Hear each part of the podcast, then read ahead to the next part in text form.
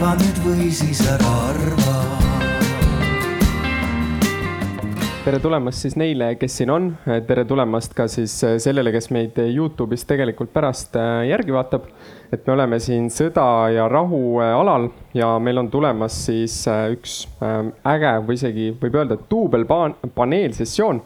mina olen siis Erkki Kuber sotsiaalsete ettevõtete võrgustikust ja mul on siis au esimest poolt sellest diskussioonist siin nii-öelda vedada või küsimusi küsida ja publikut siis natukene ka kaasata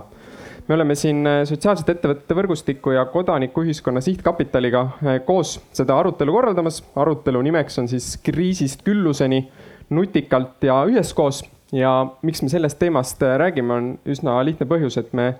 kõik Eesti ühiskond ja tegelikult Euroopa maailm oleme näinud meie ümber päris korralikud kriisid siin nii-öelda viimasel ajal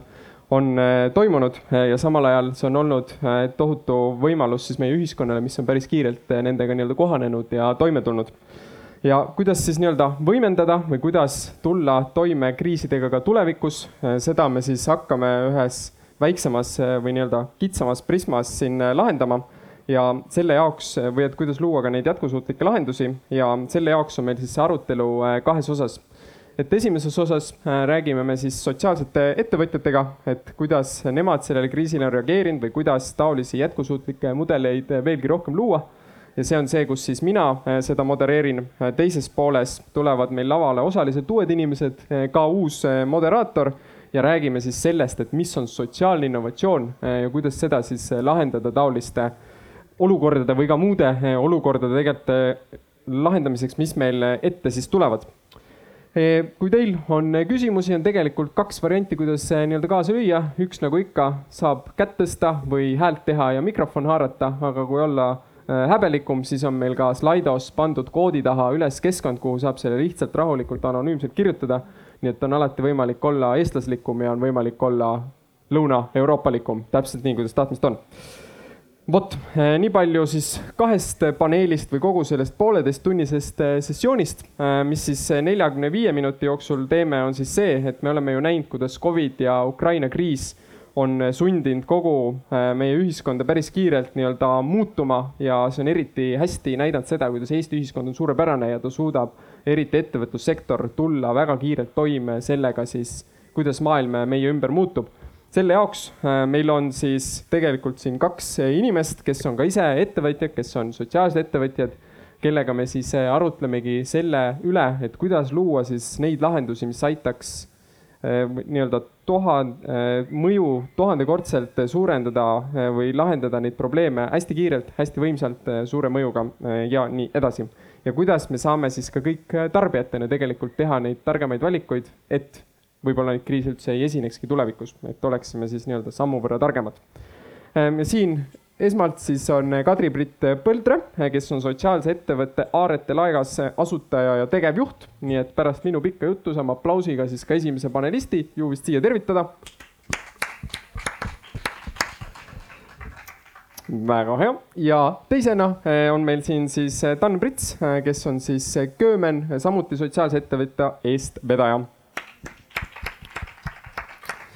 no vot, nüüd eh, laval kohe parem olla, Youtube'is mõnusam vaadata kindlasti ka.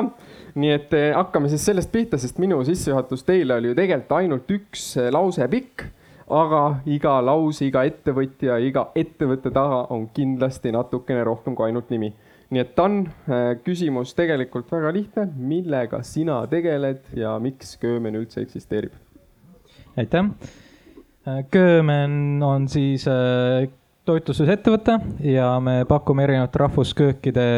toitlustust, nii äh, kohvik Tartus kui ka üle Eesti catering'u toidutöötubasid äh,. ja eripära siis on selles, et äh, kõiki meie tegevusi, toite, asju teevad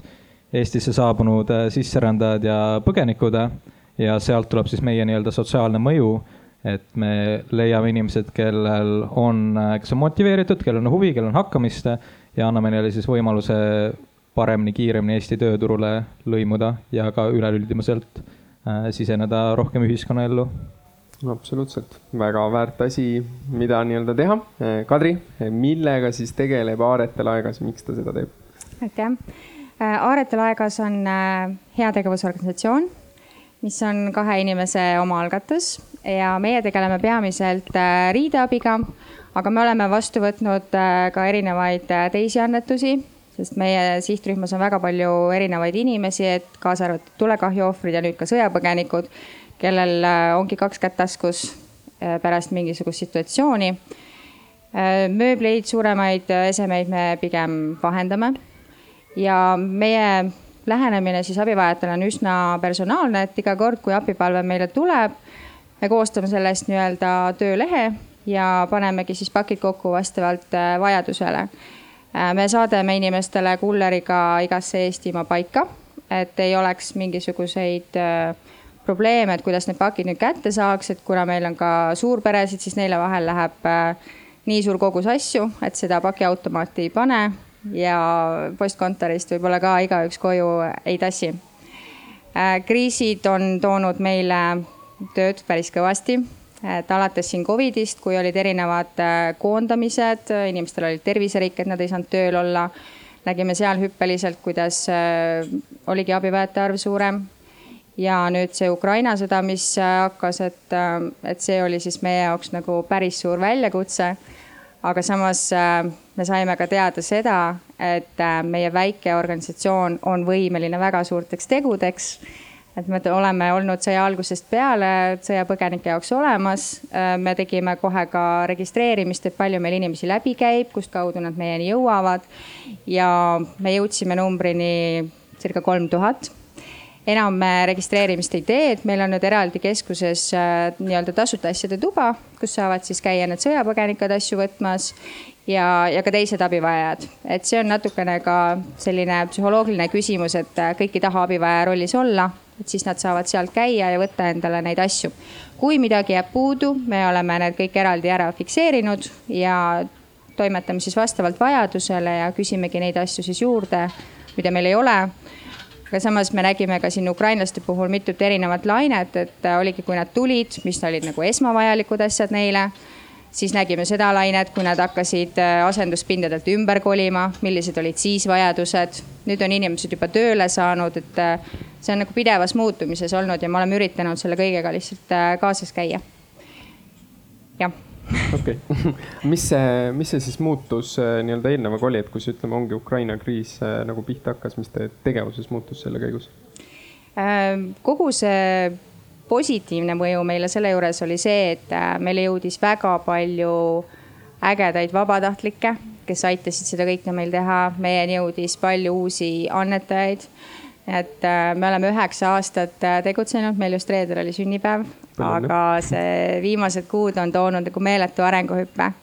et me olemegi kasvanud väga suuresti ja, ja töökorralduses ka, et me oleme vaadanud, et meil oma meeskond läbi ei põleks, et äh, toimetanudki vastavalt siis graafiku alusel ja, ja kasutanud nende vabatahtlike tuge, kes on äh, meieni jõudnud okei okay., ja kas, kas siis selle osas, kuidas te panustate, ütleme Ukraina kriisi nagu lahendamisse, et kas teil ka või on, millised nagu tegevused on muutunud teie siis nii-öelda selles core tegevuses, mis te siiamaani olete teinud, kui on? Ähm, me pidimegi algselt võtma vastu sõjapõgenikke enda heategevuspoes. heategevuspood on ainuke peamine sissetulekuallikas, mis aitab meie organisatsioonil üldse toimetada Äh, seal selles mõttes läks natukene väsuks, et meil oligi maja rahvast täis, kuna info levis ja me olime ka Niine sõjapõgenike punktile üsna lähedal. Äh, sealt me läksime sammhaaval edasi, et me tegime neile eraldi ruumi, kuhu inimesed tõid annetusi ja jagasimegi ainult ukrainlastele asju Äh, siis me läksime jälle sammhaaval edasi, kus me siis äh, sättisime poe ikkagi korda, et meie heategevuspoe kliendid tuleksid tagasi, kuna see oli meile tegelikult päris suur finantsiline põnts mm. -hmm. inimesed, kes meil varem olid püsikliendid, ütlesidki, et vau, et äh, teil on siin liiga suur möll, praegu ei tule. ja, ja me pidimegi hakkama mõtlema, kuidas me ise selles olukorras ellu jääksime sest meil ei tulnud kuskilt mingisuguseid toetusi, et tänu headele annetajatele, heategevuspoe klientidele me üldse oleme saanud praegust toimetada. Ja niimoodi ruumis sammhaaval edasi minnes ja ümberkorraldusi tehes, siis äh, me oleme sellest nagu läbi tulnud. no suurepärane, paistab, et see adaptiivsus on hästi oluline, on ju. Mhm. et äh, ennem kui Dan siis sulle samale küsimusele lasta vastata, et me katsetame ka siin äh, selles arutelus siis uusi formaate. seega, kellel on tahtmist kaasa lüüa, siis küsimus ka tegelikult publikule, millele Slidos saab vastata et kuidas äh, oled siis ka sina äh, panustanud Ukraina kriisi oma käitumise ja, või tarbimise valikutega. kui on äh, soovi, siis sellele vastata, saabki minna slido.com ja panna sinna sisse siis kood kolm, neli, seitse, kaks, kaheksa, viis, neli ja samal ajal, kui siis nii-öelda telefonis seda vastata, vastust mõelda, saab TAN jagada, mis siis Köömen on selle osas ka teinud või kuidas neid nii-öelda see kriis mõjutas ja vaatame, mis meil siis siin kahe või no kolme, nelja, viie peale, nii palju kui vastajaid on. mis meil siis siin kõik kokku tuleb lisaks ettevõtjatele ka, nii et mis siis, mis siis Köömeni tegevuses muutus Ukraina kriisiga no,? suuresti meil ei olnud fundamentaalseid muudatusi tegelikult, kuna seesama asi, mis me teeme, noh, Köömen me oleme juba mõnda aega tegutsenud, et äh, Süüria Süüria pagulaskriisi juures tegelikult on väga paralleelsed äh, teemad ja meil alati on fookus olnud see siis võtta äh, võtta endale meeskonda toetada siis äh, pagulasi ja, ja sisserändajaid. et ainuke küll aga koormus äh, kindlasti kasvas äh,, palju rohkem tegevusi tuli ja kindlasti me pidime mingis mõttes oma teatud tegevusi äh, uuendama, ümber mõtestama, näiteks et kui inimene tuleb meile Köömnasse tööle või praktikale, siis eh, noh, me pakume talle eesti keele õpet, praktikat, eh, enesearengut, igasugused koolitusmoodulid, selliseid asju. et eh, neid pidi, pidi ikkagi ümber tegema ja küllaltki kiiresti adapteerima. kuid muidu jah, et tegelikult samad asjad, lihtsalt laiemini, suuremini, kiiremini ja samal ajal ka nii nagu Kadri mainis, et see enda, enda ellujäämise eest ka hoolitsema, kuna toitlustusettevõttena, eks ju, et igasugused toorained, sisendid, ostujõu vähendamine, et sellega samal ajal nii-öelda madistada ja siis vaadata, et kuidas võimalikult palju nagu väärtust luua ühiskonnale äh, selles Ukraina kriisis. absoluutselt, see on selline põnev nagu olukord, et ühelt poolt iga kriis on kriis, teiselt poolt on iga kriis on võimalus ja kolmandalt poolt on ikka nagu kriis ka, et noh, kui mõelda näiteks siis Covid kriisi peale ju samamoodi, et turismisektoril tõmbas see nii-öelda kõik ekraanid äh, kinni. samal ajal nüüd justkui Ukraina siis osaliselt aidanud seda ju lahendada või noh, et väga palju on nii-öelda inimesi, kes seda teenust jälle pakuvad, aga samal ajal noh, kriis ikka nii-öelda, no sul tuli mingi mõte kohe juurde ei jah, et ma olen lihtsalt nõus, et kriis ongi, sa lihtsalt adapteerid ja olukorrad muutuvad, et tegelikult tegevusi ja asju on sama palju probleeme, sama palju, lihtsalt kriis toob uued probleemid uue nurgaga, sa pead adapteeruma, aga tegelikult noh nagunii igapäevaselt tegeled asjadega. absoluutselt ja näed, paistab, et jah. ja meil on ka siit paar toredat näidet, et äh, meil jõudis väga palju ukrainlasi ja need, kes äh, tahtsid vabatahtlikuna panustada, panustasid vabatahtlikuna. meil sõja algusest peale oli üks äh, naisterahvas, kes oli kuu aega täielik pärl, ta nii samastus nendega, kes tulid, ta tegeles lastega seal samas need, kes on abi saanud ja praegust oma elujärjele nii-öelda siis töö mõttes edasi astunud on äh, hakanud meie heategevuspoe klientideks, ehk siis kui meie toetasime neid siia tulles, siis nemad toetavad meid vastu. ja samas, äh, kuna koguti ju tegelikult meeletult palju asju, siis äh, ukrainlased ise toovad ka meile juba seda, mida nad ise ei tarbi nii et äh, vastastikku nii-öelda toetus ikkagist toimib. no suurepärane, mida külvad, seda lõikad, on ju. ja näed, paistab, et siis äh, publikust äh, ka on siis, et näed, rahalist toetust on palju, või õigemini kõige populaarsemad on, näed, et on infot äh, siis palju jagatud ja kampaaniatooteid ka ostetud, on ju, on vabatahtlik oldud. võib-olla mõni oli siis Kaarete laekas äh, rahalist toetust, korterit on välja renditud, tõsi, ka ise äh, siis vähem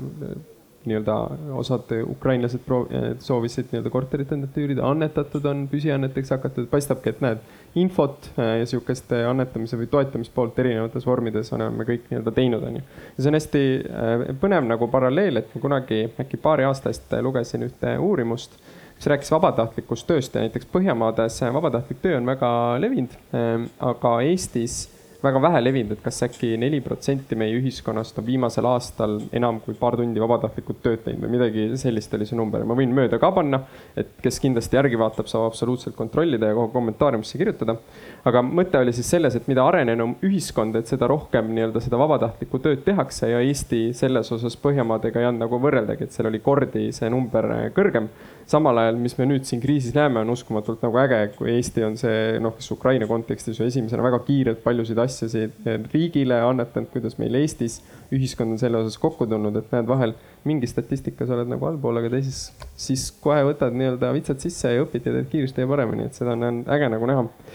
Aga võib-olla, kui võtta siis veel Äh, selle, et kuidas see seda tegevust äh, muutis selle nii-öelda ploki lõpetuseks nagu üks küsimus, ma küsiks teilt äkki seda, et, äh, et näed, Ukraina kriis algas, see oli kakskümmend neli veebruar, vabariigi sünnipäev,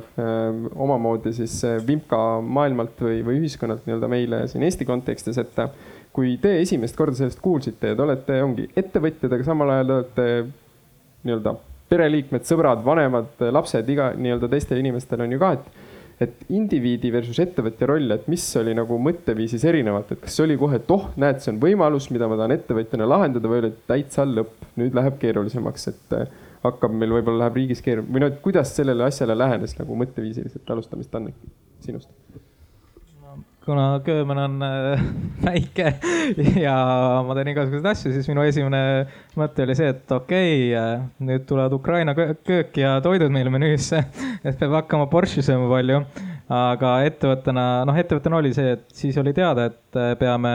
natukene pivot'it tegema ja noh, kuna meie fookus on võtta sõjapõgenenud inimesi, siis oli, oli selge, et, et me peame juba eeltööd tegema, et olla valmis võtma korraga rohkem ja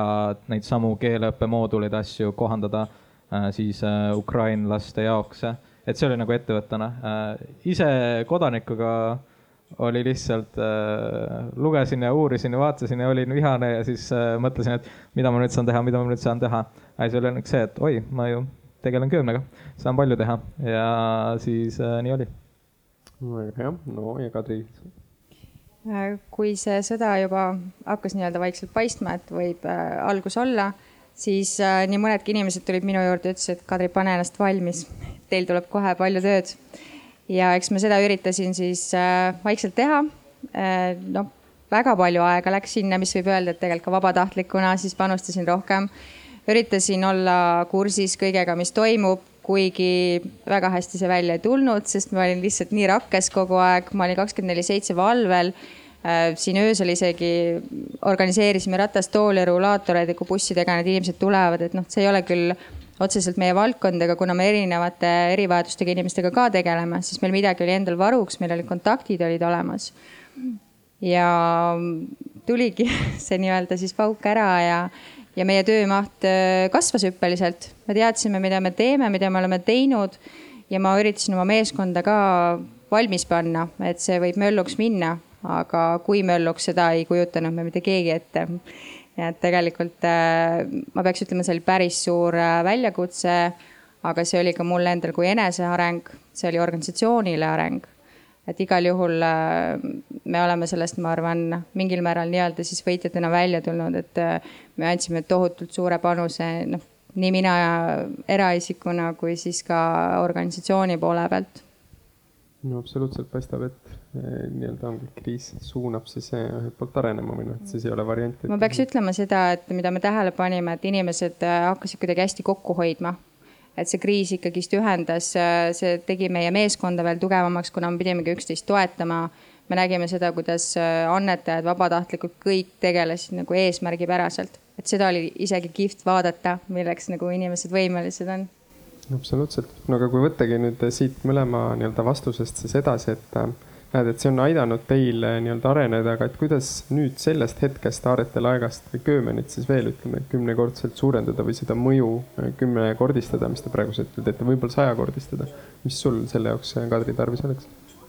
minu jaoks oli hästi tore see, et me oleme tegelikult ju pisike organisatsioon, kellel ei ole olnud suurt turundust taga. aga selles kriisis väga paljud erinevad organisatsioonid leidsid meid ja just, kes tegelevadki kas siis humanitaarabiga või kriiside lahendamisega. et me olime ühtäkki nii olulised ja sealt tekkis erinevaid kontakte ja ma arvan, et selliste asjade puhul ongi kõige suurem võti üldse koostöö. et kui sa teed koostööd ja teedki inimestega, kes on võtnud omale siis nii-öelda eesmärgiks või missiooniks midagi suurt korda teha, et siis äh, üheskoos suudabki rohkem. okei okay., no hea kuulda. Eh, mis see küsimus oli et kuidas siis eh, nüüd eh, võtta see mõju, mida te ühelt poolt Ukraina kriisi lahendamisse olete loonud, aga tegelikult ka üleüldiselt Köömeniga loote, kuidas saaks seda siis kümnekordistada või sajakordistada? jah äh,, no ma arvan, see on kahe otsaga asi alati, see skaleerimine ja mõju suurendamine, et noh, üks aspekt äh, on, kuidas seda laiendada, eks ju, et kuidas, ma ei tea meil oleks äh, viie või kümne töötaja asemel äh, viissada või sada. et see on üks pool, aga teine pool on ikkagi see, millest minu arust räägitakse natukene vähem, äh, on mõju sügavus, eks ju, et kuidas noh, viis või sada korda paremini sedasamat viite või kümmet inimest toetada. ja seal on nagu kindlasti tegelikult erinevad vastused ja ma arvan, just see viimane on võib-olla isegi natukene vajaka jäänud, et hästi palju skaleeritakse laiemalt, aga, aga just äh, fokusseerida, et kas see päriselt mõju siis, äh, noh, kas sa toetad, aitad või tuleb seal ka reaalne mõju. ja ma arvan, et kui me räägime laienemisest, siis seal äh, on täpselt see, kuidas Kadri rääkis, et võrgustumine ja koostöö ja inimeste kokkuviimine, eriti Ukraina kriisis. et noh, seda oli väga huvitav ja väga valus vaadata tegelikult, äh, mäletades Süüria kriisi, Ukraina kriisi ja nähes, kuidas inimesed on samad ja nähes, kuidas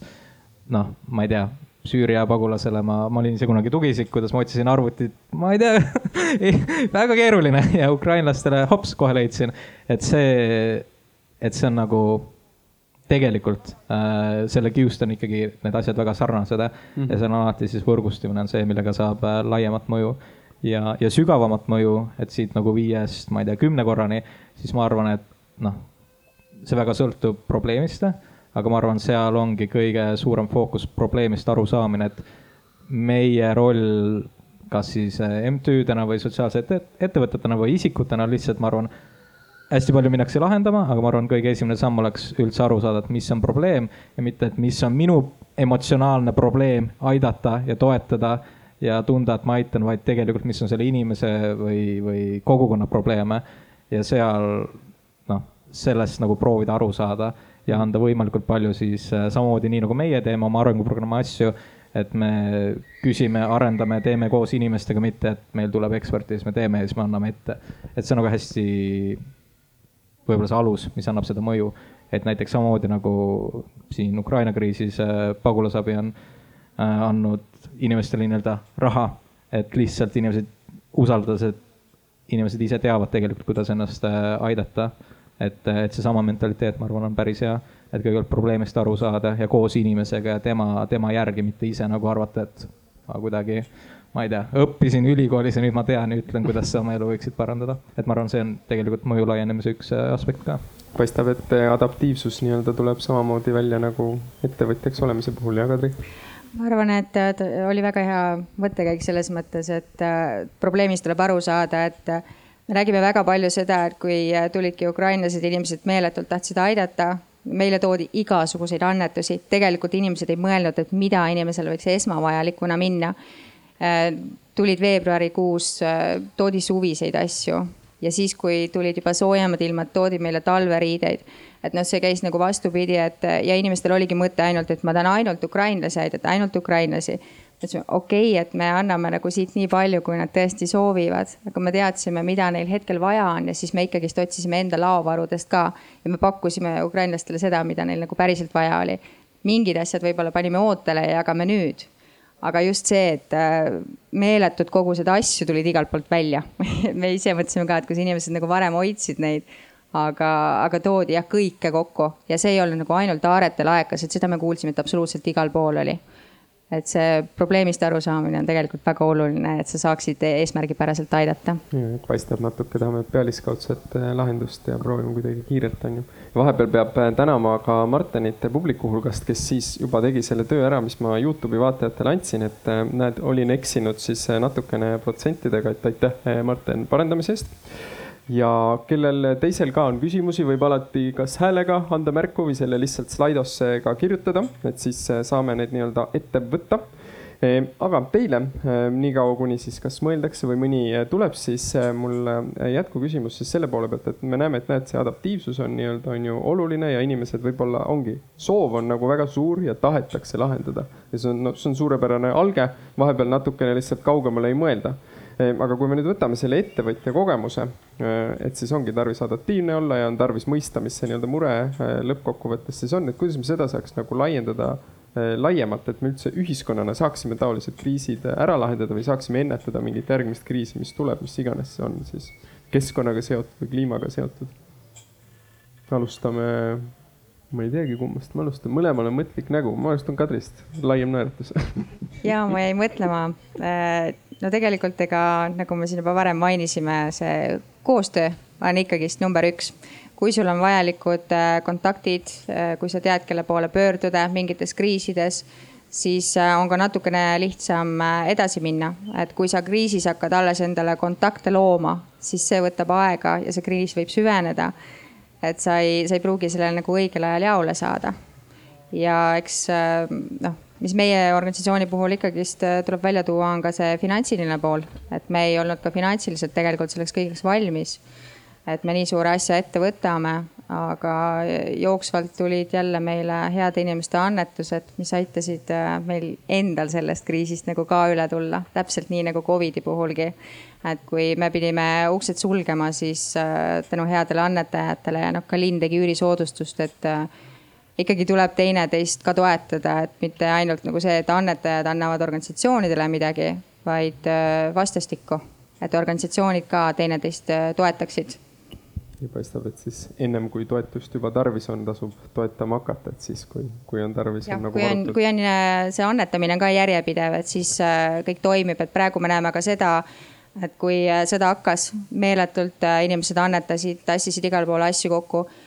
siis hakati mingi hetk tõmbama natukene koomale seda ja praegu jõuab meieni ukrainlasi, kes küsivad, aga kust me abi saame. et need ukrainlased, kes praegust tulevad, nad ei saa pooltki seda, mis oli alguses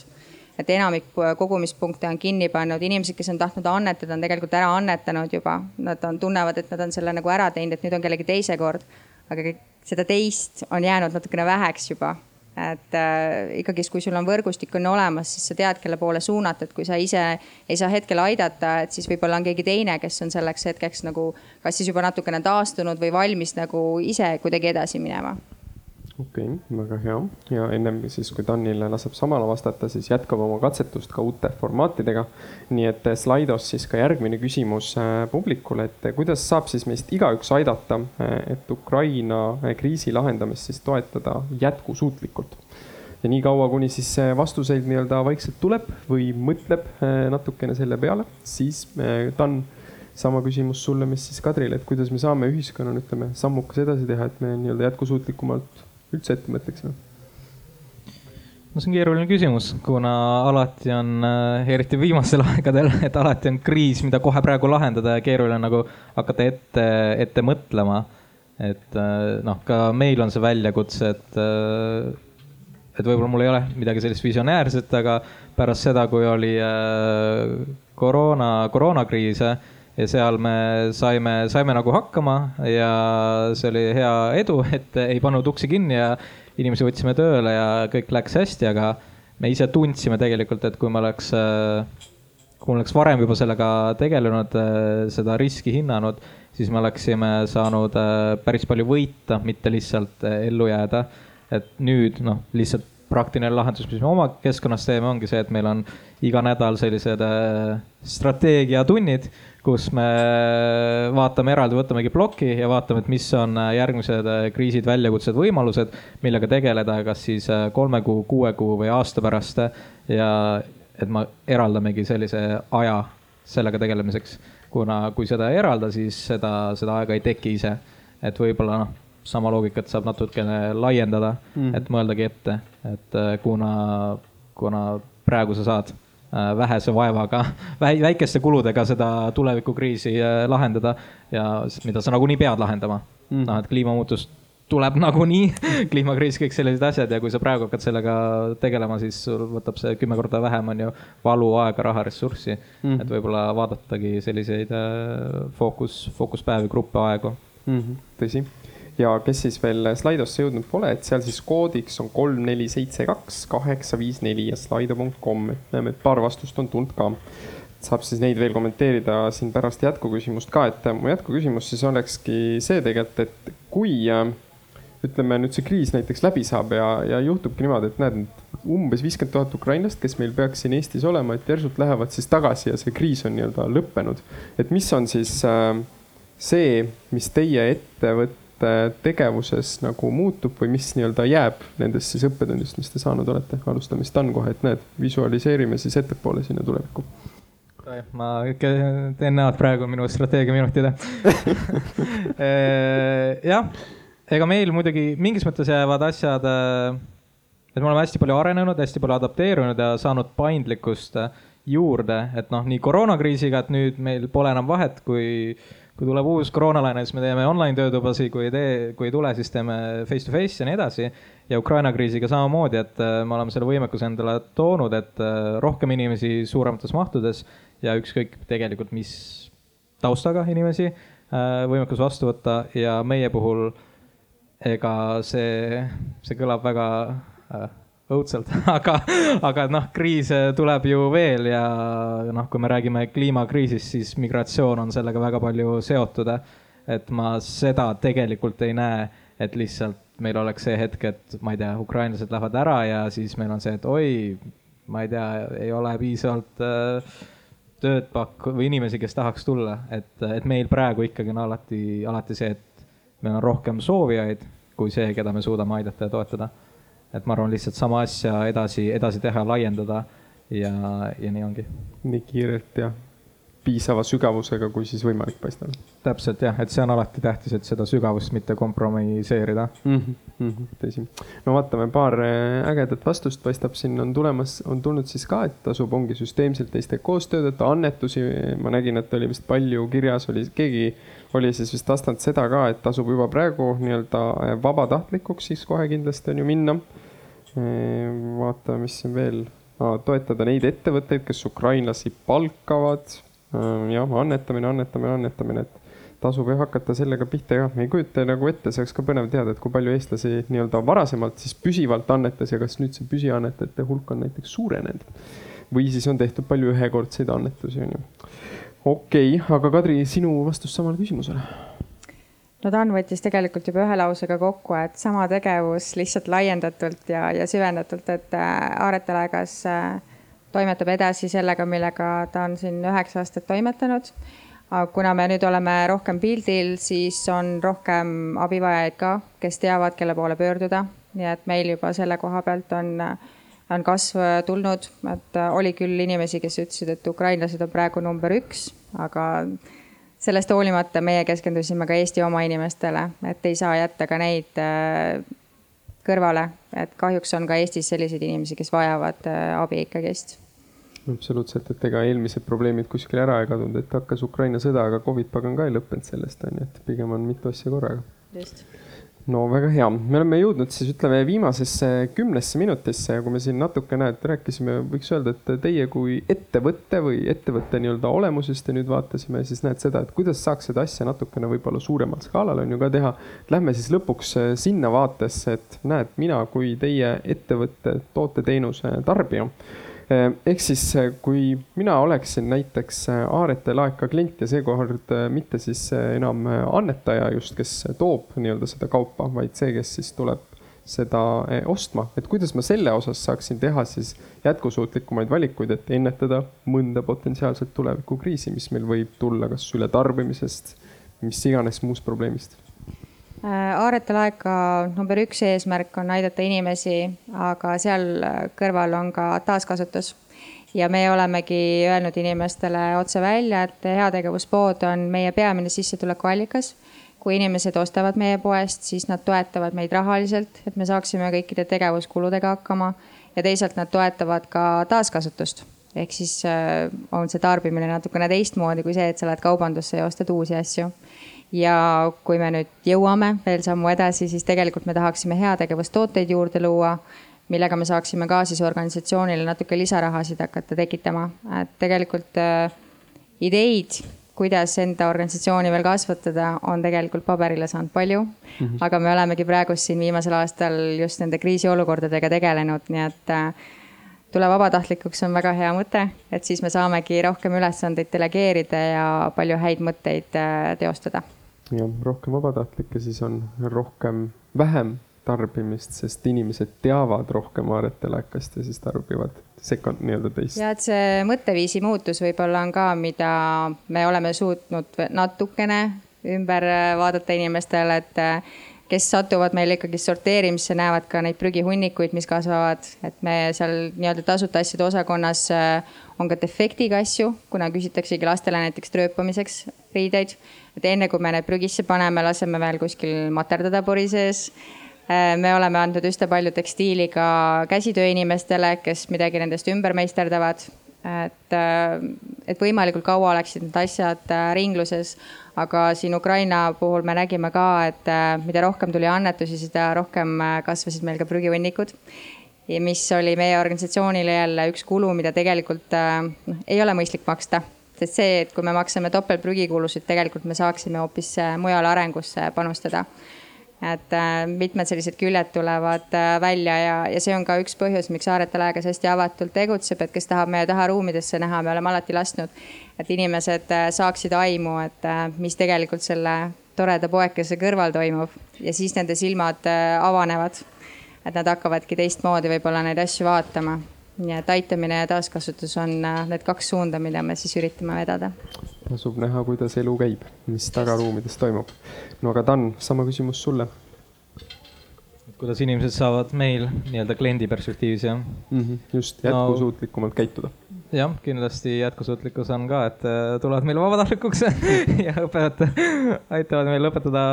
meie töötajatele, pagulastele eesti keelt ja, ja, ja kõik on nii tore. Aga, aga meil ka samamoodi, et meie peamine eesmärk ikkagi inimeste aitamine, toetamine, aga ka meile, eriti just toitlustusettevõttena on äh, rohe, roheliikumine nagu tähtis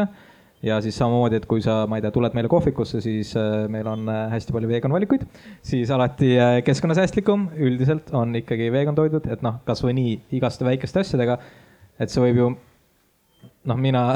saan väga reaal, reaalselt seda väita, et kui sa tuled äh, näiteks kasvõi meie juurde, siis seal on otsene, otsene mõju on see, mida meie näiteks järgmine kuu menüüsse võtame. et meie alguses, algusaastatel oli Köömen ainult full vegan, äh, kuid äh, ei olnud piisavalt nii-öelda ostujõudu kliente, kes oleksid sellest huvitatud ja me pidime hakkama lihaasju menüüsse tooma. aga et jällegi, et see on väga paindlik, et kui sa tuledki kliendina, sa teed valikuid ja no vaata vaid. no vot äh,, et siin on meie food truck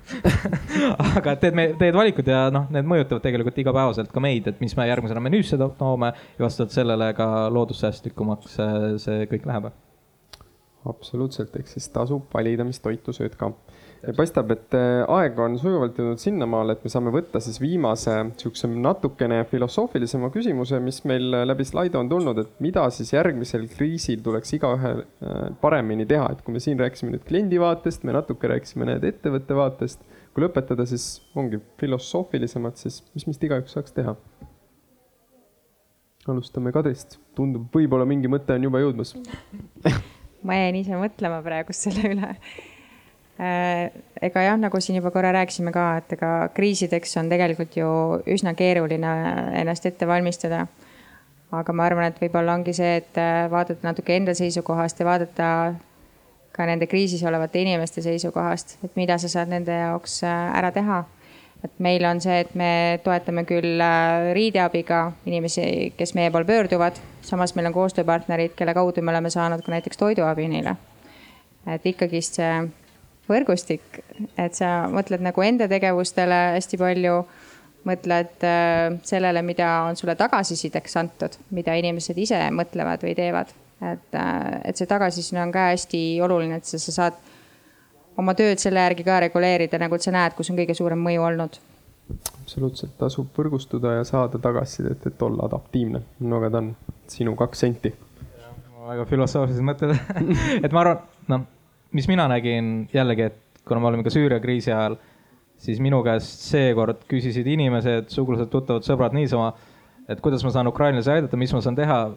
kes ma sada protsenti tean et nad, nad ei küsinud ega ilmutanud üldse mingit sellist huvi äh, Süüria kriisi ajale. Ja, ja ma arvan, võib-olla kui need kriisid tulevad, siis äh, üks asi, mida teha, ongi siis vaadata, et kui sa igapäevaselt elad, täpselt nii nagu ma ei tea, minu sõber või sugulane, kes seda mult küsis, kui sa igapäevaselt elad, elad, elad ja süü-, ma ei tea, Süüria asjad sind ei kõiguta ja tuleb selline raputus ja plahvatus nagu Ukraina, et võib-olla tol hetkel siis natukene võtta, võtta paar minutit äh, või päeva aeg maha ja vaadata nagu enda sisse, et aga miks ma tegelikult praegu sellest hoolin ja kas see hoolimise kese, et miks mind see huvitab, miks ma praegu seda hoolin, aitan. ja võib-olla, kui sinna sisse vaadata, sellest aru saada, siis äh, sa hakkad nagu nägema ka teisi hetki,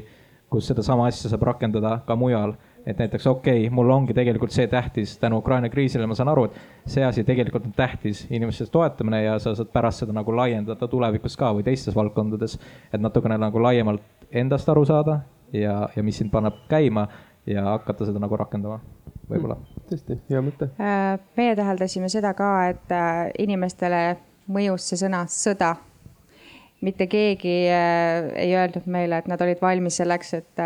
praegusel sajandil hakkab reaalselt tankidega sõda. et pigem inimesed arvasidki, et siin võib tulla mingisugune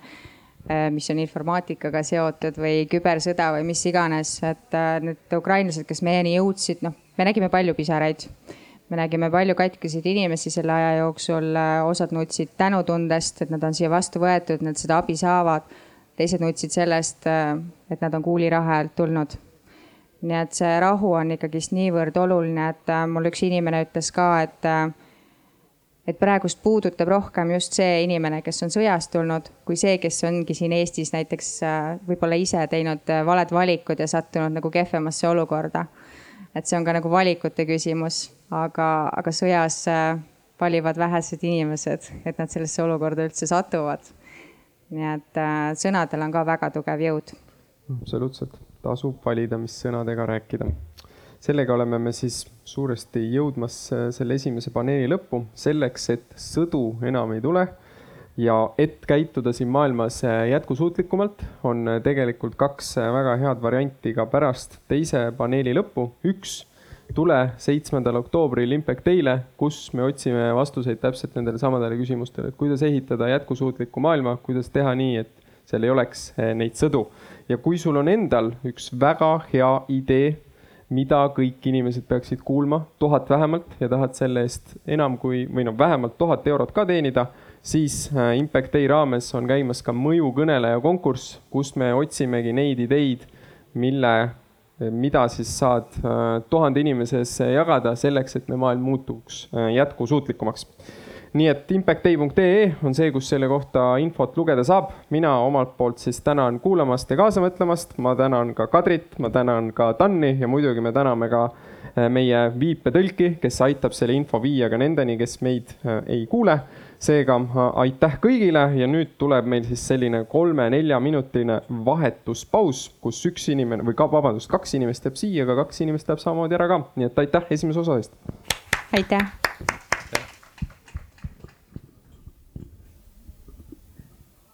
Nii, tere, mina Katri-Liis Lepik, Tallinna Ülikool ja olen seal juhtimise dotsent ja ka sotsiaalse ettevõtluse magistriprogrammi koordinaator, vedaja. et kui me siin eelmises arutelus nüüd kuulsime hästi palju sotsiaalsest ettevõtlusest, siis selle arutelu tahaks rohkem pühendada siis sotsiaalse innovatsiooni teemadele. et need kaks mõistet on omavahel hästi seotud. Ja, ja meenutuseks veel, et me kuulsime siin häid näiteid, kuidas äh, sotsiaalne ettevõte aitab luua mõju. Ja see on üks selle põhiline ka mõte, et kuidas siis luua suuremat ühiskondlikku mõju ja seda teha siis ka finantsiliselt jätkusuutlikul viisil, et siis tulu ja, ja võimalusel ka kasum siis tegelikult investeeritakse tagasi nende eesmärkide saavutamisesse, mis on siis endale seatud. aga et kuidas siis sotsiaalne innovatsioon nüüd kõigest sellest erineb? et ähm, kui seda nüüd hästi lihtsustatult äh, selgitada, siis äh, on äh, tegelikult tegemist siis eri poliitikavaldkondadega, aga hästi lihtsalt öeldes on see siis uute ja lahenduste leidmine ja hästi oluline on ka see, et nende elluviimine ja seda siis just inimeste heaolu nimel ja teatud siis vajaduste rahuldamiseks. et kui me räägime sotsiaalsest innovatsioonist, siis, siis väga paljudel juhtudel ta ikkagi püüab lahendada nende inimeste probleeme, kes muidu eh, siis turuolukorras ei saa teatud liiki teenuseid või, või tooteid, ehk siis tegeleb selliste pigem haavatud eh, sihtrühmade teemadega. Ja, ja oluline on ka selle puhul, sotsiaalse innovatsiooni puhul siis see, et ta tooks kaasa just sellise suurema äh, süsteemse muutuse ja need, need muutused võiksid siis, siis äh, esineda nii, nii siis organisatsioonide sees kui ka siis nende omavahelistes äh, suhete võrgustikes ja, ja koostöös ja, ja siis ka sellistes protsessides laiemalt. et ähm, kui me nüüd mõtleme siin, kuidas meie paneel on äh, pealkirjastatud, et nutikalt ja üheskoos ja, ja kuidas me võiksime siis jõuda selle, selle külluseni, et äh, siis me püüame selles äh, arutelus siis avada just seda poolt, et mis siis nendel erinevatel sektoritel siis meie ühiskonnas, mis on nende, nende roll ja võimalused siis ka selle sotsiaalse innovatsiooni edendamisel. ja kui me siin räägime nendest sektoritest, siis, siis siin me mõtlemegi ähm, avalikku sektorit, mida meil siis täna esindab äh, Raivo Küüt Siseministeeriumist. siis me võime selle all mõelda äh, erasektorit, erasektori asutusi ehk siis ettevõtteid, kus, keda siis meil endiselt esindab sotsiaalne ettevõtja Eh, Kadri Priit Põldre ja siis me võime mõelda ka kolmandat sektorit, kelle esindajaks meil siin on siis mittetulundusühingust Pagulasabi Anu Viltrop.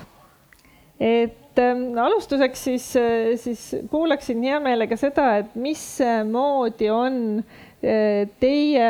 organisatsioonid siis äh, panustanud just selle Ukraina kriisi lahendustesse, et me kuulsime pikalt, mida üks sotsiaalne ettevõte on, on saanud selleks ära teha, aga et jah, et võib-olla mida just sellise sotsiaalse innovatsiooni poole pealt ja, ja teie organisatsiooni vaatest, et mis olete saanud ära teha seni?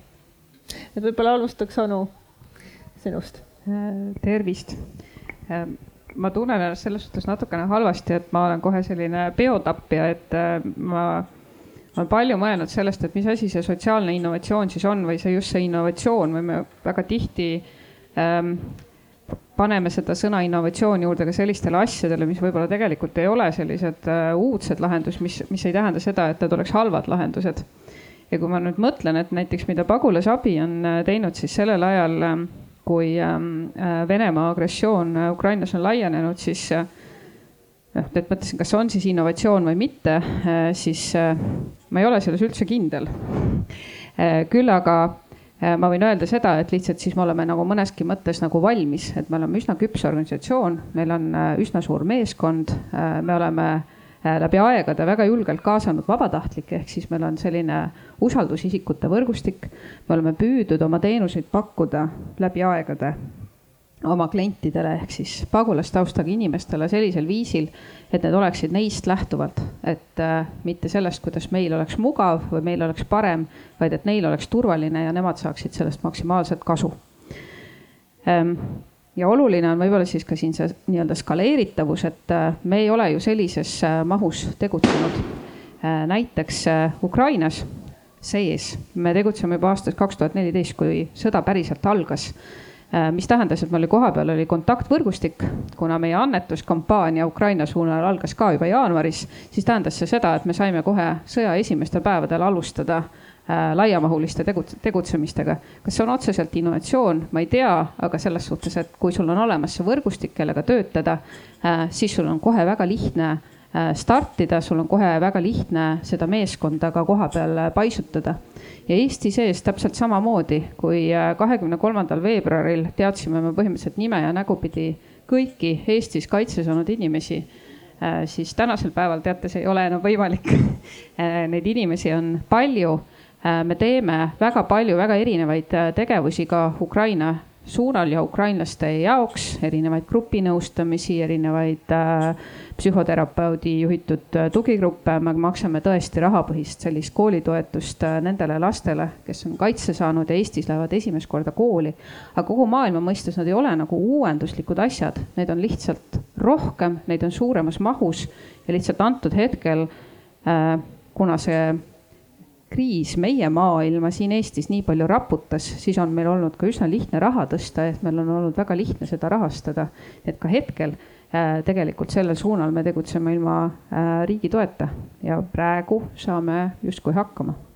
aitäh, et üks oluline märksõna tuli siit veel juurde selle kohta, et mis on sotsiaalne innovatsioon, et tegelikult need ongi need hästi inimesekesksed äh, lahendused ja nendest lähtuvad siis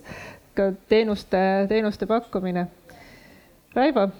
kuidas, äh, mida on teinud siseministeerium, kahtlemata väga palju, aga, aga mis on see just see sotsiaalse innovatsiooni pool selles ministeeriumi senistes tegevustes? ja et kõigepealt siseministeeriumist, äh, noh, me oleme jah, avaliku sektori esindaja siin selles kontekstis ja, ja avaliku sektor on äh, noh, ühelt poolt ta ise tekitab ja teeb mingit innovatsiooni, aga pigem äh, teine niisugune võib-olla laiema ulatuslikum asi on regulaatori roll. et ta ju tegelikult reguleerib ja loob siis vastavalt kas paremaid või kehvemaid tingimusi, et, et see sotsiaalne innovatsioon saaks tekkida nii et ühtpidi me ikkagi, äh, meie tegevusväli on siis peamiselt selline just selle mm, tingimuste ja välja loomine läbi siis äh, strateegiadokumentide, arengukavad, näiteks sidusa Eesti arengukava, seal on kogukondlik programm, äh, kus, kus siis sellest, selleks seatakse selliseid eesmärke, et see sotsiaalne innovatsioon, sotsiaalne ettevõtlus, kui sellised, mm, ütleksin isegi noh, sellised innovaatilised äh, Äh, mõtteviisid äh, järjest edasi areneksid. Äh, ja teine pool on noh, siseministeeriumi vaates siis konkreetne poliitikavaldkond, millega me tegeleme, on kodanikuühiskond, kus me nagu igaüks indiviidina tegutseme, osaleme selles kodanikuühiskonnas. Ja noh, üksikisiku tasemel tegutseme ja ühtlasi ootame seda innovatsiooni ka meie suunal, et mõni teenus, mis täna on võib-olla sedamoodi, mis hästi ei klapi sellesse keskkonda ja mind ei rahulda, et, et see võiks kuidagi paremini olla pakutud. et siis see nende indiviidi tasand, siis on meil selline, vaatame nagu kogukondlikku tasandit, kus me kuulume mingisse kogukonda ja vaatame, kuidas me seal toimetame ja edasi on siis juba mingisugused ka vormid ehk siis kodanikuühiskonna vormideks me, me peamegi siis mittetulundusühingut, öeldakse noh, kolmas sektor, eks ole. et, et kuidas seal organiseeruda ja kuidas toimetada ja siis on nagu kogu ühiskonna tasand, et, et, et nõnda me nagu vaatame ja kui me kodanikuühiskonna rollidest noh, korraks nagu tahaks neid ka puutuda siin, et, et mis need nagu sellised rollid on, et kui noh, siis inimesed kuidagi koonduvad siis, siis noh, me, me oleme võtnud nagu sellise jaotuse, et umbes nagu kolm niisugust väga olulist rolli on. üks on selline kodanikuühiskond kui eestkõneleja ehk siis äh, märgatakse mingisugust probleemi, mis iganes see siis on, siis, äh, siis sellest hakatakse rääkima, noh, sel teemal siis äh, nõudma midagi, et tehakse nagu paremini või muudetakse ära, ükskõik, mis see on, tahetakse ettevõtet kusagile rajada või äh, mõnda puud maha võtta või siis me näeme eestkõnelejaid, et siin on erinevaid vorme, kuidas siis see eestkõnelus võib käima hakata. ja noh, siin omavahel, omavahel siin rääkides on ju läbi äh, Youtube'i ja igale poole, siis, siis see vist on kõige rohkem ka poliitikute kõrvu jõudnud, sest kui mina kodanikuühiskonna eeskõneleja lähen rääkima, et meil on kodanikuühiskonnale teatud vormide tegutsemise jaoks toetusi vaja või meetmeid luua siis kipub tulema see, et ahah, et need on need, kes äh, siis seal kuhugi on, noh, on siis mõnda äh, mõnda puud kaitsnud või midagi sellist, et äh, see on nagu rohkem teada-tuntud, siis on kodanikuühiskond kui sidususe looja selline, selline, äh, kus siis äh, teatud temaatikasse koondatakse, koondutakse ja sellega ka luuakse omavahelisi sotsiaalseid suhteid. ja, ja, ja tekib niisugune sidususe element. Ja kolmas võib-olla siis ongi selline kõige nagu minu arvates hästi oluline ja praegu just me tõstame seda fookusesse, ongi kodanikuühiskond kui innovaator sest kodanikuühiskond, need vormid, mis võivad siis tekkida kiiresti ja, ja praegu ja kohe ja väga paindlikult. Nad on küll reguleeritud seal teatud seaduste raames, aga siiski nende teke on nagu äh, kohe ja praegu ja siin ja võimalik ja bürokraatlikud reeglid palju ei, ei sega, ütleme siis seda, seda nagu seda põhibusiness'it, mida siis tegema hakatakse, abi osutamine kuhugi või kiire mobiliseerumine, kohe tulevad asjad, kohe saab juba kuhugi saata, sest riik oma bürokraatias toimub aeglaselt, me võime seda kiruda, aga see on ühtpidi ka hea, sest ta on aimatav kuidas ta toimib ja läheb, et homme ei ole kohe kõik jälle teistmoodi, ka seda me tegelikult ootame. aga just see kodanikuühiskonna võimalus olla paindlik, kiire, nobe ja, ja, ja, ja leida, äh, kuidas võimalusi äh, siis äh, tekib ja kohe neid ka siis realiseerida. see on see, mida siis regulaator kui riik jälle teistpidi peab toestama ja näited täpselt siin ka nii Covidist kui sellest Ukraina kriisist ongi need, kus äh, kui isegi, kui riik üritab ise nagu kontrollida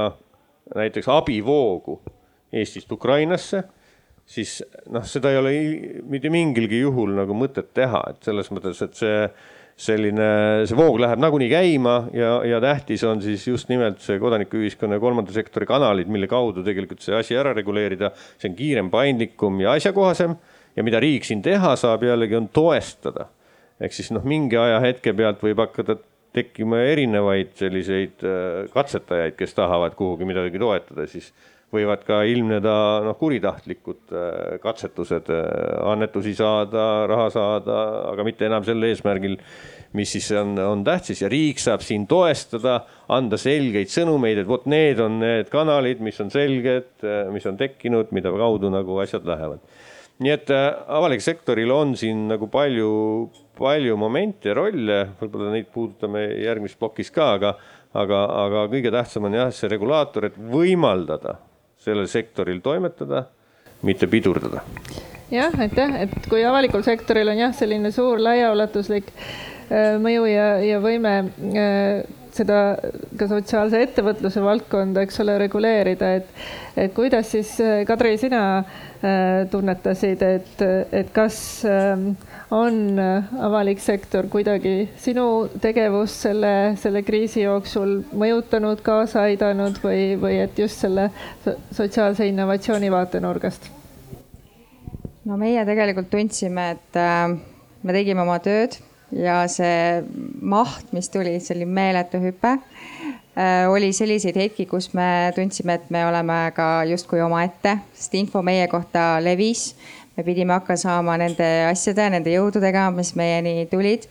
Äh, väga paljud inimesed, kes Aretel Aekani jõudsid või meist kuulsid, äh, imestasid seda, et me ei saa kuskilt toetusi et meie kui väike heategevusorganisatsioon peamegi saama ise hakkama et ma tegelikult äh, saatsin ka mingeid kirju laiali natukene kõrgemale poole, küsisin, et kas on ette nähtud toetusi, kui me selle kõigega teeme. Öeldi, et toetusi ette nähtud ei ole, nii et tegelikult äh, me tegimegi selle ära koostöös oma annetajate ja heade vabatahtlikega. et see oli see koht, kus me tundsime, et kõik äh, ühildasid oma jõud ja tegelikult see vabaühendus kodanikuühendus oligi see, mis äh, suures osas kogu töö ära tegi. et neid eraldi asjade kogumisi ja noh, mis iganes viisil ju tekkisid tegelikult igasugused grupid, kes äh, panid pead kokku, ütlesid, et nüüd teeme seda, nüüd saadame seda abi. Et äh, võib-olla, kui oleks tõesti rohkem reguleeritud see asi olnud, et noh, ka meil oleks võib-olla kontakte olnud või meist oleks rohkem teatud ülevalpool, oleks võib-olla ka meie poole pöördutud. Et äh, riigil on ju omad äh, hanked, keda nad saavad üldse koostööpartneriks võtta, et seda meile nagu öeldi ka, et äh, see kriis tuli nii äkki, et võetigi koostööpartneriks need, keda teati juba. Et me olime natukene tagaplaanil, aga noh, ma tunnen, et me kogu selle asjaga, mis me kaasa läksime, tegime niivõrd suure töö ära, et kui me nüüd rohkem pildil oleme, et võib-olla tulevikukriisides me oleme rohkem nähtaval et ikkagi see koostöö, mida ma ka enne rõhutasin, on tegelikult kõige võti, et kui sul on vajalikud kontaktid, siis sa saadki erinevates olukordades palju kiiremini, palju paremini anda vastuseid ja kohe tegutseda, et võib-olla rohkem, ma ei oskagi öelda, kas selliseid ümarlaudasid või omavahel suhtlemist võiks erinevate sektorite vahel ikkagist olla. -hmm. et just üks, üks selline oluline mõte veel selle sotsiaalse innovatsiooni nii-öelda selgitamise või, või sellest arusaamise juures on just seesama suhete võrgustik, mis seda mõjutab ja, ja kui ja siin jah, eelnevalt Raivo kõneles ka sellest äh, eeldustest ja, ja nii-öelda võimaluste loomisest, et tegelikult nii ongi, et ega see sotsiaalne innovatsioon iseenesest ju ei, ei teki. et see sõltub hästi palju sellest, milline on tegelikult iga riigi poliitiline kontekst ja, ja, ja millised on siis ka need organisatsioonilised äh, nii, nii kultuurid kui, kui siis äh, suhted ja, ja omavahelised sidemed ja, ja kui vaadata ka natuke akadeemilise poole pealt, siis, siis ka sotsiaalse innovatsiooni kirjandus ikkagi räägib eelkõige sellest, et, et just selle innovatsiooni nii-öelda eeldusteks äh, ongi kaasamine, on, on dialoog, on usaldus ja, ja siis on see võimu jagamine ehk et, et just nimelt selline ressursside ja võimu jagamine nende sektorite vahel, et kuidas, kuidas kommenteerite? Äh, ja mul siin mõte mm -hmm. hakkas äh, jooksma, et äh, teil on muidugi kõik kahtlemata õigus ja võib-olla siis minu jaoks, kui see päris innovatsioon siis sünniks, et siis olekski selles koostöös ja mulle lihtsalt mõnikord tundub, et koostöö on üks selline asi siin Eestis mida, millest me kõik räägime, aga mida praktikas väga tihti tegelikkuses nagu ei toimi ja mõnes mõttes on siis nii-öelda ikkagi nagu rahuajal palju lihtsam ka koostööd harjutada. Äh, äh, ka näiteks äh, erinevate sektorite vahel, sest noh, me praegu Ukraina teemadel nägime, et me kutsusime ennast väga julgelt ka ise igale poole laua taha kaasa arutama ja noh, see on siis üks Eesti eelis, et Eesti on nii väike ja tegelikult Äh, otsustajate juurde jõuda ei ole raske. Ähm, aga siiski, äh, no ma ei tahaks öelda sõna kehtestada, kehtestada on väga jõuline, aga ma siiski arvan, et noh, näiteks pagulasabi äh, on mõnes mõttes unikaalse kompetentsiga organisatsioon selles suhtes, et me tunneme nii rännet, sundrännet, selle mõjusid Äh, me oskame äh, näha ja prognoosida, kuidas inimesed käituvad ja liiguvad, mis äh, tunded, mõtted, millised probleemid võivad üles kerkida, millised, millised kitsaskohad võivad tekkida, kui on üks, teine või kolmas lahendus. ja ma mõnikord tunnen avaliku sektori puhul sellist äh, kõlab vist halvasti soo, sooritussuutlikkust või noh, et ühesõnaga, et see on nagu kuidagi see tunne, et ma pean tulema valmis nagu valmis otsusega, et siis ma olen kuidagi nagu tark, küps, jõuline, olen täitnud oma ülesande, aga tegelikult mida avalik või üks selline vabaühendus ootab, ootab seda, et meie teadmiste raames me saaksime ka otsuste tegemisel kaasa lüüa. Sest mulle tundub, et nii mõnelgi korral võib ju juhtuda, et kui me koos arutame ja koos neid lahendusi otsime, siis äh, võib-olla see lõpptulemus tuleb äh, kiiremini parem mm. -hmm. Raivo, kuidas sellega siis on, et, et kaasamine, me tõdeme, et see on oluline ja vajalik ja siseministeerium sellega äh, Äh, tegeleb, aga et kui ikkagi jääb kodanikuühiskonna esindajal tunne, et võib-olla peab tulema väga valmis plaanidega, et seda, seda sellist arutelu on vähevõitu, mis selleks siis teha? selles mõttes on absoluutselt probleemne on see meie see nii-ütelda kaasamine. minu jaoks see kaasamise mõiste üldse on natukene halb, mul kogu aeg tuleb see tunne, et noh ma lähen kuhugi ja siis ma võtan midagi kaasa, kah kohvri seina äärest võtan kaasa, nagu see kaasamine on midagi sellist. ma saan aru, muidugi see on nagu palju rohkem, see on selline sisulisem, me arutame midagi koos läbi. et nagu koosloome võib-olla oleks see nagu parem sõna siis selleks, et noh, me nagu loome koos äh, mingisugust väärtust, on see siis meil nüüd jah, vaja otsustada siin protsessis või langetada otsust ja nii edasi et ma arvan, et siin on äh, seda, et riik, kui me räägime riigist tervikuna, et, äh, et seda nii-ütelda sinna otsustusprotsessidesse siis äh, kutsumine ja seal osalemise võimaldamine on natukene lapsekingades. et meie nüüd, kui me räägime jälle sellest rollist, mis me teeme ja keskkonda loome, siis me üritame juurutada sellist mõtteviisi nagu kogukonnakeskne lähenemise viis mis on niisuguse rohujuure tasandi demokraatia viljelemise viis, mida, mida tahaks nagu rakendada, kus siis oleks see, et meil, et kohalikul tasemel, kohaliku omavalitsuse juures, see tähendab, et kohalikul tasandil tähendab seda, et kohaliku omavalitsuse juures, kohalik omavalitsus kaasab oma piirkondlikke kogukondi kogukonnad määratlevad iseennast ja koos kohaliku omavalitsusega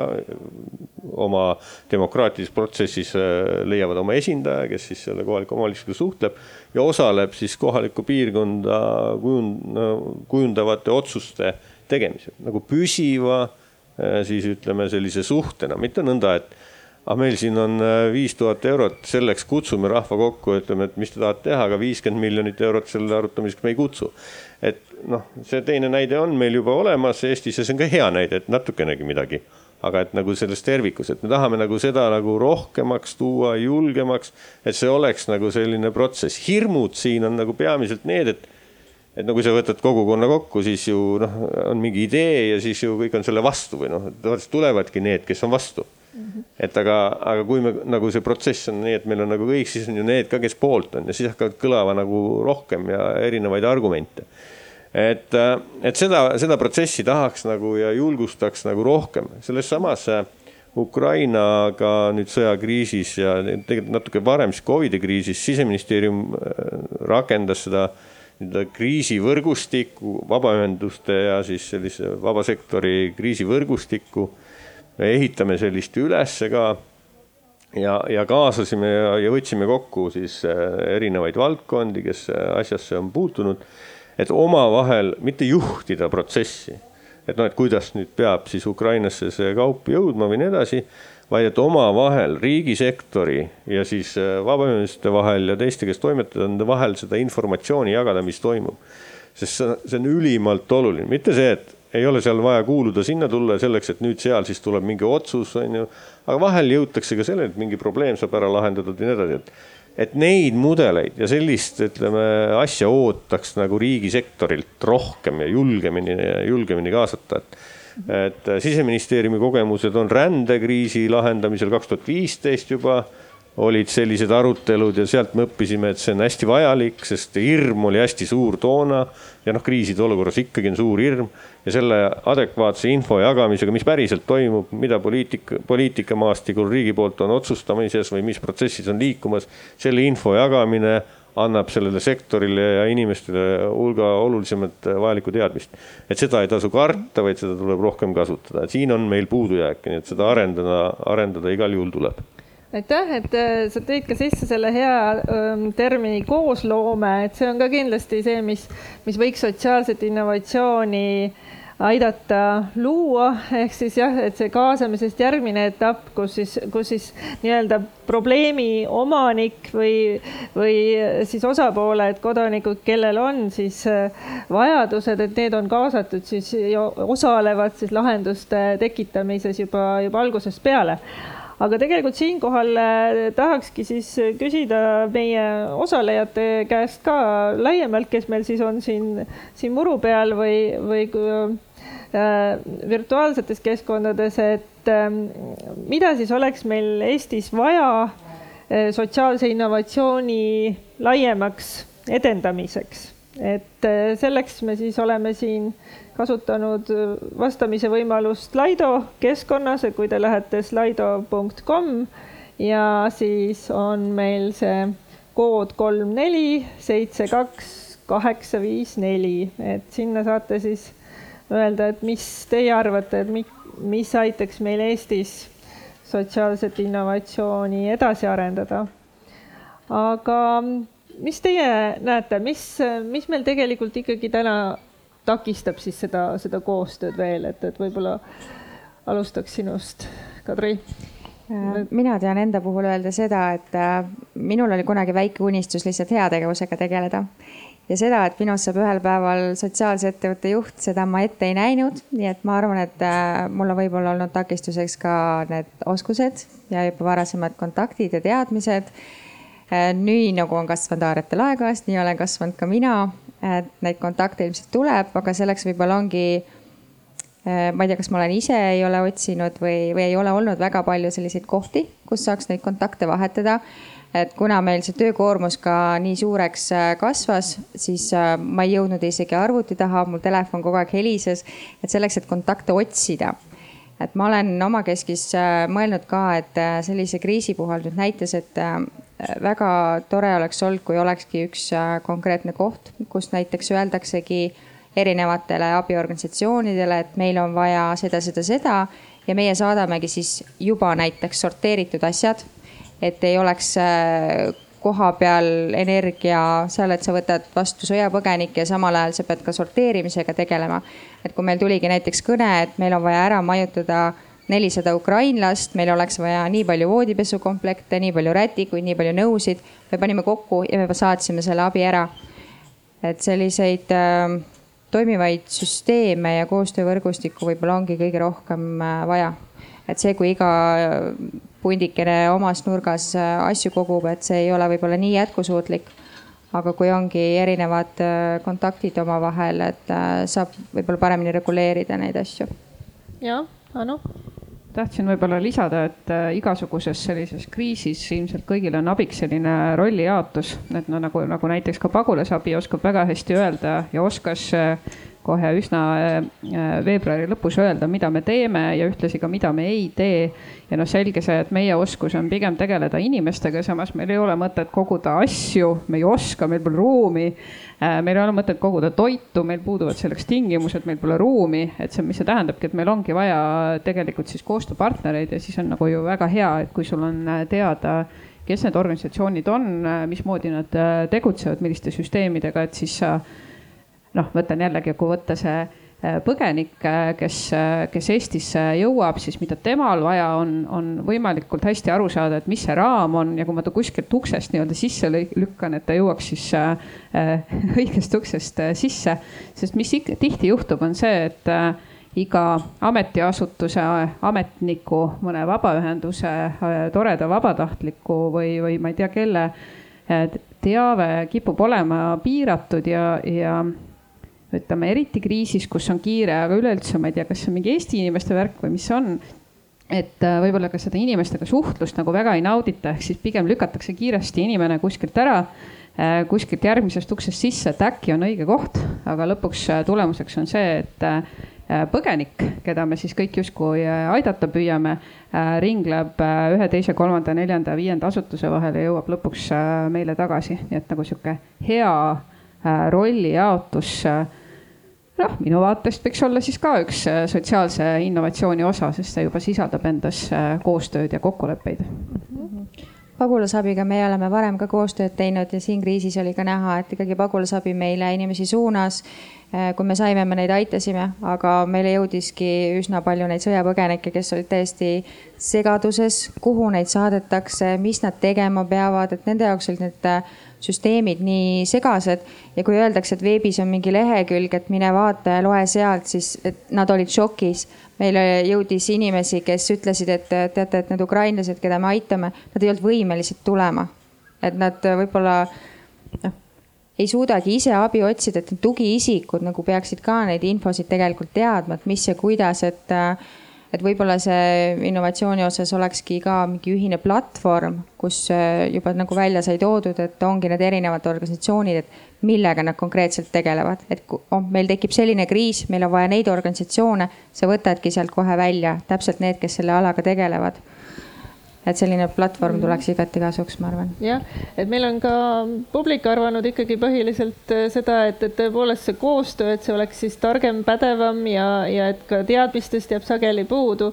ja, ja sedasama ühiskondlikku mõju rolli on siin ka rõhutatud, et just seda nii-öelda nende otsuste tegemisel ja ka, ja ka erinevate siis rahastusvalikute tegemisel, et kuidas see mõju võiks olla, olla rohkem äh, esiplaanil ja, ja sealhulgas ka huvikaitse selles valdkonnas. aga siin on üks äh, ettepanek siseministeeriumile tulnud siin Slido keskkonnas, et äh, meil on vaja koostöö ja koosloomeõppuseid et nii nagu on siis, harjutatakse sellist koostegutsemist jõustruktuurides, et, et midagi analoogset võiks olla siis meil ka just nimelt koosloome valdkonnas ja kodanikuühiskonnaga seonduvalt. et kuidas see mõte meeldib? Ja, selle koosloome juurde tulen tagasi, aga, aga selles mõttes jah, et ütleme, et üks kriisijuhtimine, et noh, jällegi, et ütleme, et no kriis nagunii, kui ta on, siis ta toimib ja, ja läheb ilmselt noh, üle ka nii, et ega sa ei või, ei pea sekkumagi äkki.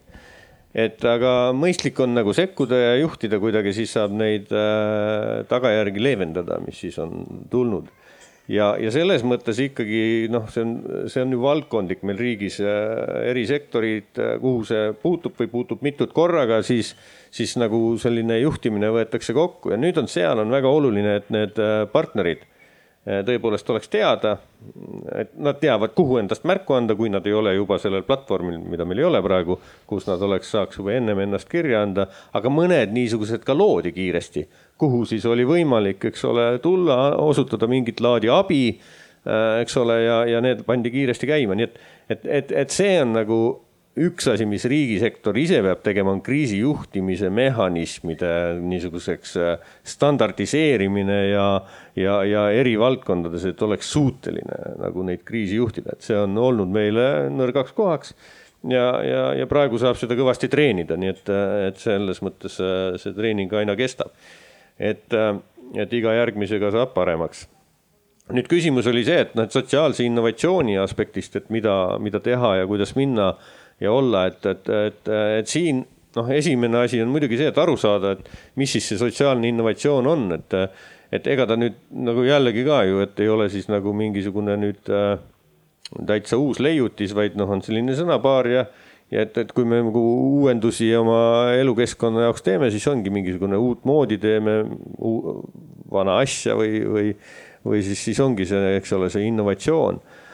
aga kindlasti on äh, oluline siin see, et, et noh, kuskil peaks seda kogumist, kogumit või ütleme siis seda kogemust saada vahetada ja keegi võiks süsteemselt seda koguda ja jagada, et. et siin meil on äh, plaanis äh, ja oleme siis astumas samme jällegi selleks, et luua sotsiaalse innovatsiooni keskus, mis siis tulevikus seda kompetentsi nagu koondaks ja suudaks siis ka seda informatsiooni nii riigi Äh, kolmanda kui äh, erasektori vahel äh, vahetada, et, et see oleks nagu hästi oluline. et siis on need keerukad küsimused, mis see on või kuidas teda, ma ei tea, Euroopas defineeritakse, mis see Euroopas tähendab nagu tervikuna, kuhu me kuulume ja, ja mis ta meie riigis on. Et see siis, siis see sega, nagu ka see segadus väheneks, aga, aga praegu kõige tähtsam on, on sellise sotsiaalse noh, nii ettevõtluse, selle idee üldse siia nagu noh, selgeks rääkimine, sest äh, paljudes kohtades on see segane, noh, kas ma olen sotsiaalselt vastutustundlik ettevõte, eks, kas ma olen sotsiaalne ettevõtlus, kumb ma olen, mis ma olen äh, et, et ka selles on just praegu vaja teha pingutusi, ka see vestlus siin noh, peaks andma meile siis seda rohkem äh, suunda sellele, et, et me nagu julgeksime sellest mõelda ja et selline jätkusuutlikkus ja säästlikkus elemendid on hästi olulised selles ja siis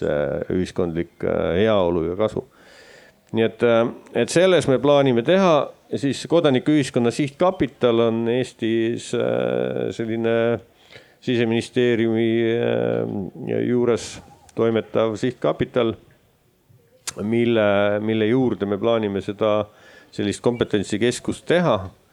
et, äh, et juba praegu tasub äh, sellel pilku peal hoida ja selles, selles protsessis kaasa lüüa, seal on ka partnerid olemas juba praegu, kellega, kellega koos tegutsetakse. Nii et, et see on üks samm kindlasti. Ja, ja ka Euroopas praegu on äh, sellel teemal, võetakse nagu rohkem teemasid. Ka Euroopa Komisjon on koostamas sellist dokumenti, noh, erinevates poliitikavaldkondades, kui Euroopa Komisjon midagi ette võtab, siis äh, siis kui tulevad sellised äh, dokumendid, võivad jõuda lõpuks siis nii-ütelda direktiivideni ja selle poliitika loomeni, mis siis ka Eestile muutuvad sidusaks. siis praegu veel neid samme nii tugevaid ei ole, aga me saame juba kaasa rääkida selles ja, ja kuuleme, mismoodi ja mida äh, mõeldakse Euroopas sotsiaalse innovatsiooni ja sotsiaalse ettevõtluse ja solidaarse ettevõtluse ja sotsiaalmajanduse valdkonnas palju mõisteid et, et see on hästi oluline, et me nagu nendel teemadel oleksime siin ka ise, ise aktuaalsed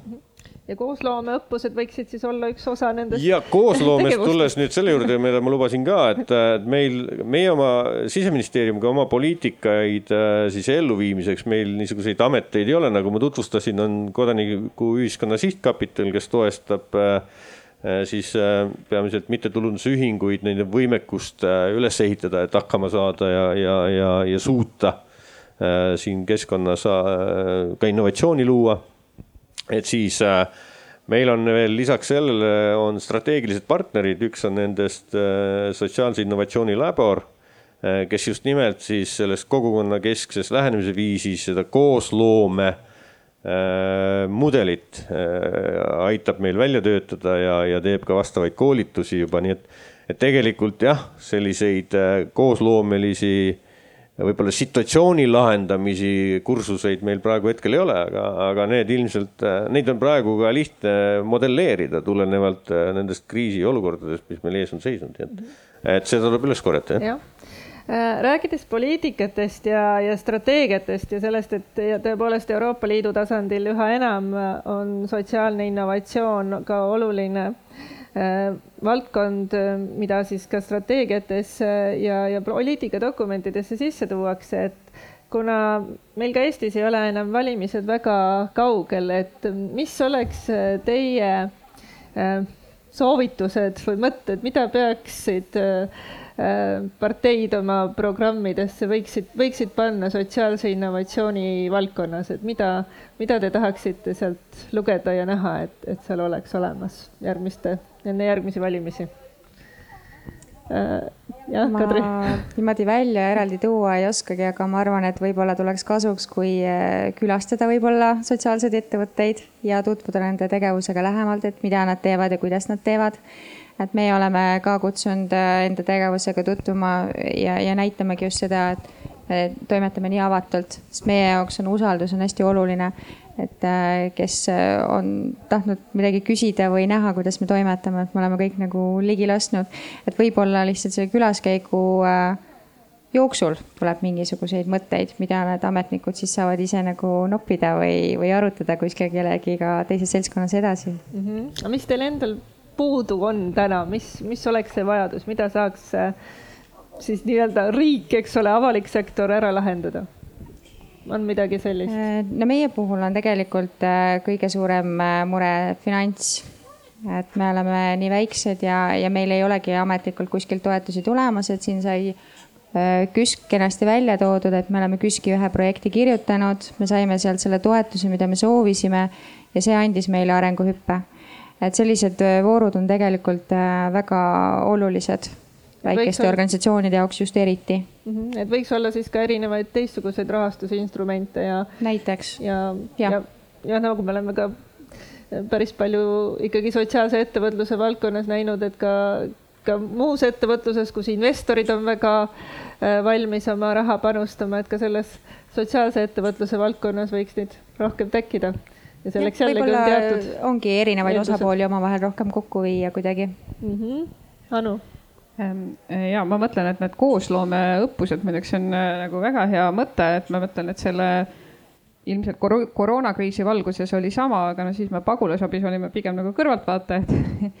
aga siin Ukraina teemadega küll, et äh, tegelikult me pidime ju täiesti ootamatult hakkama tegema koostööd asutustega, kellega me ei ole varem äh, nii tihedalt koostööd teinud, no näiteks pagulasabi igapäevaselt Politsei- ja Piirivalveametiga, no päriselt nagu koos ei äh, tööta, mis tähendab, et neid suhteid nagu tuleb äh, luua. ja kui see mingisugune ühine platvorm on, et siis siis on kindlasti kuidagi parem, turvalisem seda koostööd alustada. Ähm, no pagulasabi vaatest võib-olla siis üks soov oleks küll see, et kui et riigi poolt võiks vaadata ikkagi äh, äh, üle, et millised teemad siis ühiskonnas parasjagu äh, väga tuliselt üleval on ja, ja vaadata ja veenduda ka, et tal on vajalikes valdkondades olemas ka siis vabakonna strateegilised partnerid, sest et vabaühendused saavad olla väga unikaalses rollis, kiiresti reageerida, kiiresti neid probleeme näha, kiiresti neid probleeme tõstatada, mõnes mõttes olla selline vahelüli päriselt selle haavatavas olukorras oleva inimese ja avaliku sektori ametniku vahel. nii et mulle tundub, et nagu see asi on nüüd küll midagi, mida noh, ütleme pagulasabi vaatest on, on puudu, nagu ma ütlen, et kõik meie Ukraina suuna tegevused toimuvad hetkel annetusvahenditest. jah, Aivo. ja et, et kohe kindlasti, et et, et üks ongi sellises mõttes, et noh, mis oleks nagu vajalik äh, praegu võib-olla sellist, ähm, on see rahastamise küsimus, eks. et ma arvan, et heategevus äh, laiemalt äh, vajaks sellist väikest hüpet ja, ja tuleks mõelda noh, heategevuses siis ütleme, annetamine kui üks konkreetne liik et selline annetamise soodustuse elemendid, et me oleme seda ka Riigikogus eriti tähtsa küsimusena arutlenud ja, ja tahame kindlasti valitsuse poole ka sellega minna, et, et siis annetamise äh, tingimusi annetajale parandada, et tal oleks nagu soodsam äh, võimalus seda teha just siis seal maksude ja nende kontekstis. nii et üks selline kindlasti soov ja huvi oleks, et, et seda tuleks pardale võtta. teine on see, et äh, et äh, anda rohkem võimalusi sellisteks katsetamisteks ja, ja sellele vabaühe, ütleme siis kodanikuühiskonna, aga mitte ainult, võib-olla ka, ka keegi muu võib see olla, ütleme mitte siis just MTÜ mõttes, vaid, vaid kes kodanikuühiskonna aktorina nagu toimetab parasjagu, et et oleks võimalik, oleks selline innovatsioonifondi moodi teema, eks, et siin on nagu kaks lahendust, et üks on selline noh, sotsiaalse osak-, mõjuosakute nagu süsteem, kus äh, idee pakutakse, on konkurss mingi või mingi probleemi lahendamiseks tulevad parimad ideed ja selle idee siis äh, teostajale keegi rahastab ja hiljem siis see teenusepakkuja, kes tavaliselt seda teenust pakub, noh, mõni avaliku sektori esindaja või kohalik või no ma olen avalik sektor üks. et, et võtab selle üle näiteks ostab selle siis ära või nii edasi, et, et, et selliseid võimalusi ja seal peab olema ka eksimisruum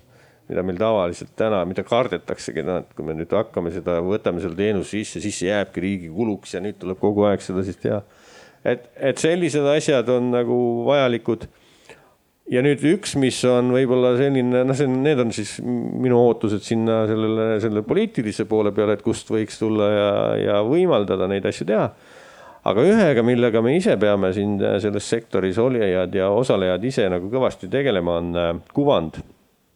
ehk siis äh, ma alustasin sellest, kus äh, kodanikuühiskonda ja kui me sellest räägime, siis paljuski hakatakse mõtlema, et nad on, eks ole, need eestkõnelejad, eks muudkui mingi probleemi eestkõnelejad. aga tegelikult on nad ka need lahendajad ja, ja tegelikult just seda, et kuidas see lahendus käib, mida päriselt tehakse, et see on meie ühiskonna heaks hüvanguks, mitte ei ole lihtsalt vabandage mu väljendusviisi siin, aga noh, et veidrikud kuskil seal midagi teevad, vaid see on niisugune säästlik äh, ja ka roheline või noh, ükskõik, aga ta on säästlik ja, ja, ja ühiskonna heaolule mõtlev äh, tegutsemisviis, et see jõuaks rohkem esile, sest siis see on nagu kõige tugevam see, kus hakatakse, millega tahetakse samastuda ka poliitikud tahavad samastuda. Ja siis see toob ka tegelikult need eelnevad, mis ma siin noh, tõin välja paar asja, et, et mis võiks nagu regulaatorite poolt tekkida, et anda sellele sektorile soodsamaid võimalusi. aitäh, ma pean tõdema, et meie arutelu aeg on siin ümber saamas ja, ja on näha, et sotsiaalse innovatsiooni teemadel kindlasti seda juttu jätkuks äh, kauemaks ja, ja see tõepoolest vajaks ja vajab endiselt Eestis ka sellist laiemat äh, arutelu ja kõlapinda. et äh, kui te soovite siis rohkem teada saada äh, sotsiaalsest innovatsioonist ja, ja ettevõtlusest, siis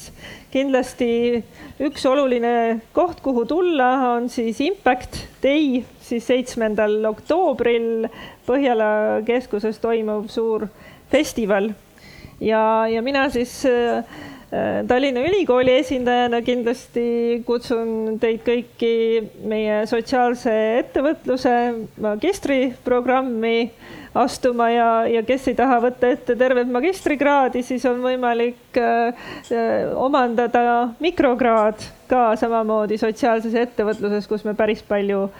arutame sellel teemal ka, et mis ja kuidas ikkagi rakendada seda sotsiaalset innovatsiooni nii et mina väga tänan tänaseid äh, paneliste Anu, Kadri ja Raivo. ja aitäh teile, mina olin Kadri Liis-Lepik. aitäh. aitäh, aitäh.. selge see, et ega tihti kõike teha. puudub laud ja mänge edasi me peame.